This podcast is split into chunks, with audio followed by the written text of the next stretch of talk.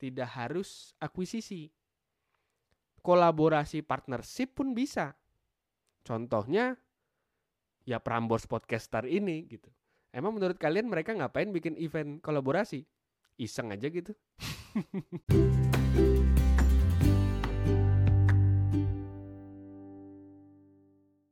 Prambors Podcaster. Halo teman-teman, kembali lagi di Belajar Bareng Finance. Ini baru ngeh kalau deadline ikutan Prambors Podcaster tuh sebetulnya minggu kemarin, 23 Juli. Dan ini udah 30 Juli. Tahu deh, bisa nggak nih? Nggak yakin juga sih bakalan dapet 30 jutanya gitu ya. Ikutan aja. Nah, ngomong-ngomong soal Prambors Podcaster, program kolaborasinya Prambors FM sama podcast Mas Asian Network. Nah, kali ini kita bakalan ngomongin soal kolaborasi. Kebetulan di beberapa episode sebelumnya kita kan sempat bahas juga tuh soal mergernya uh, Gojek sama Tokopedia gitu ya. Nah, kalian pada penasaran gak sih kenapa perusahaan-perusahaan itu pada akhirnya memilih memutuskan untuk berkolaborasi? Kenapa sih mereka itu tidak menggarap sendiri aja gitu ya? Padahal kalau dia garap bisnisnya itu sendiri gitu kan, untungnya bisa buat dia sendiri. Gitu ya. Kalau kolaborasi antar dua belah pihak gitu ya, untungnya kan harus dibagi gitu ya.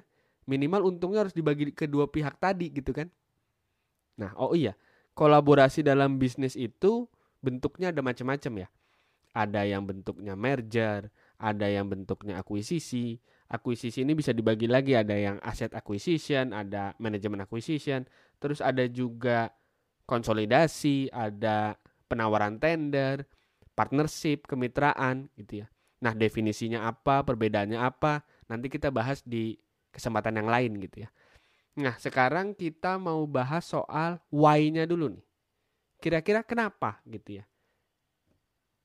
Ya, betul. Meski saya nggak dengar jawabannya teman-teman, tapi saya yakin dari teman-teman pasti ada yang nyaut. Dan saya yakin dari saut-sautan itu pasti ada yang benar gitu ya.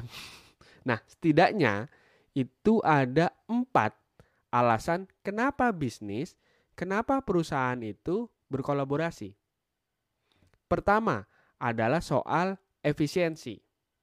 Nah, dengan bergabungnya dua entitas perusahaan jadi satu dalam sebuah kolaborasi, itu akan menghasilkan kinerja yang efisien.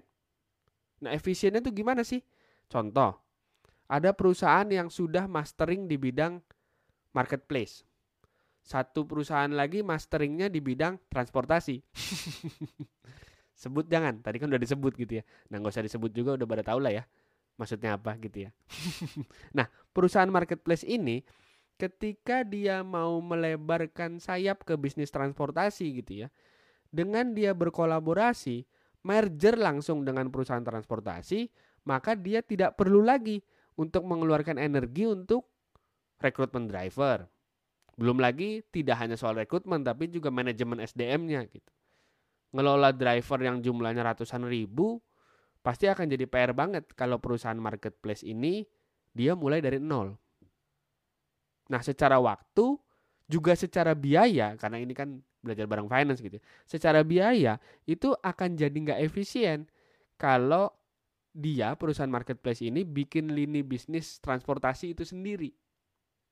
Nah, dengan dia berkolaborasi sama perusahaan transportasi, bisnisnya itu kan akan otomatis langsung jalan karena sebelumnya juga sudah jalan gitu ya. Tanpa hambatan yang berarti. Malah bisa jadi menghasilkan produk jasa yang baru ke depannya gitu. Itu yang pertama, efisiensi. Nah, yang kedua itu adalah growth, pertumbuhan. Nah, ini maksudnya bukan tumbuh tinggi badan. emang remaja. Nah, tapi pertumbuhan market share nyambung ke contoh yang tadi.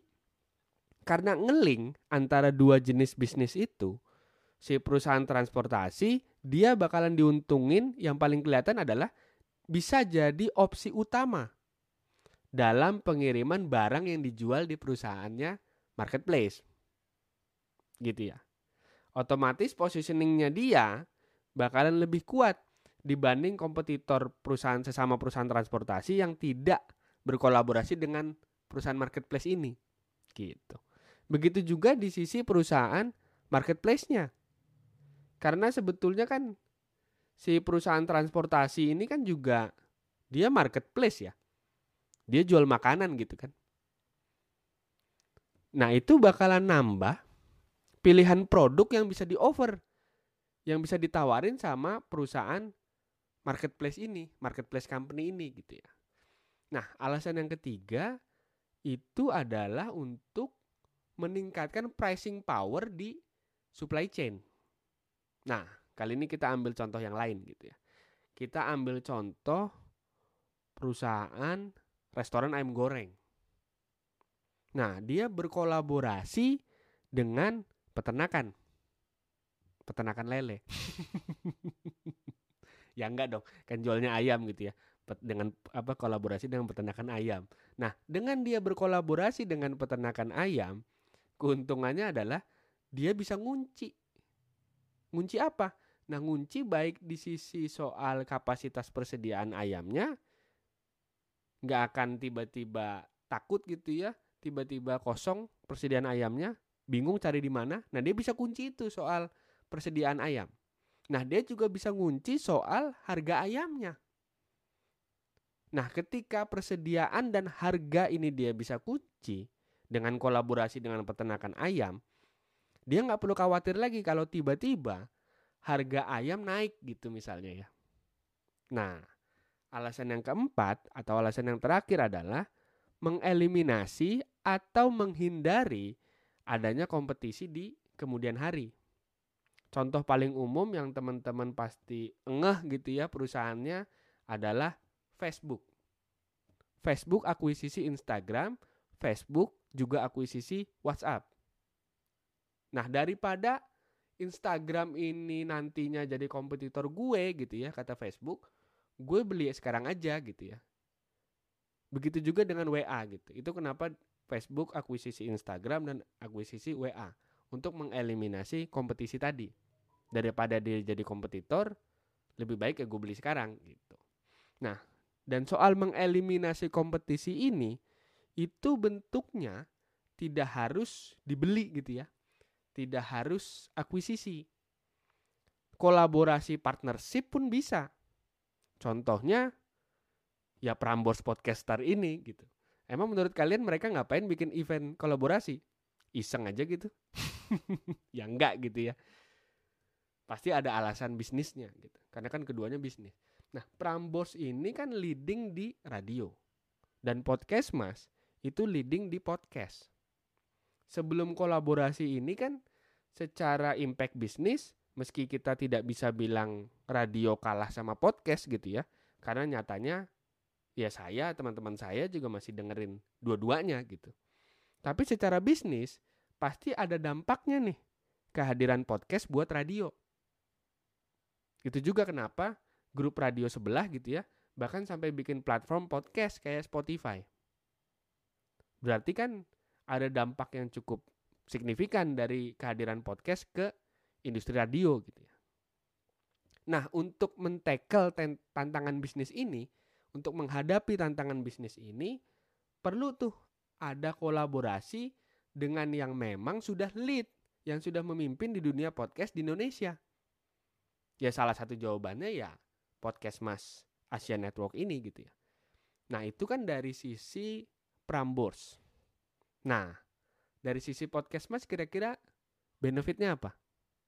Karena kalau nggak ada untungnya buat podcast Mas kan itu bapak-bapak berempat pasti nggak bakalan mau juga kan.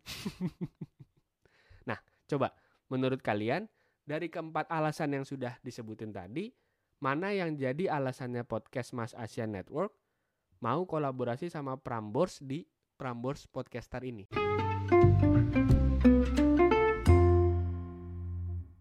Sekian dulu podcast belajar bareng finance kali ini. Jangan lupa di follow dan di share ya.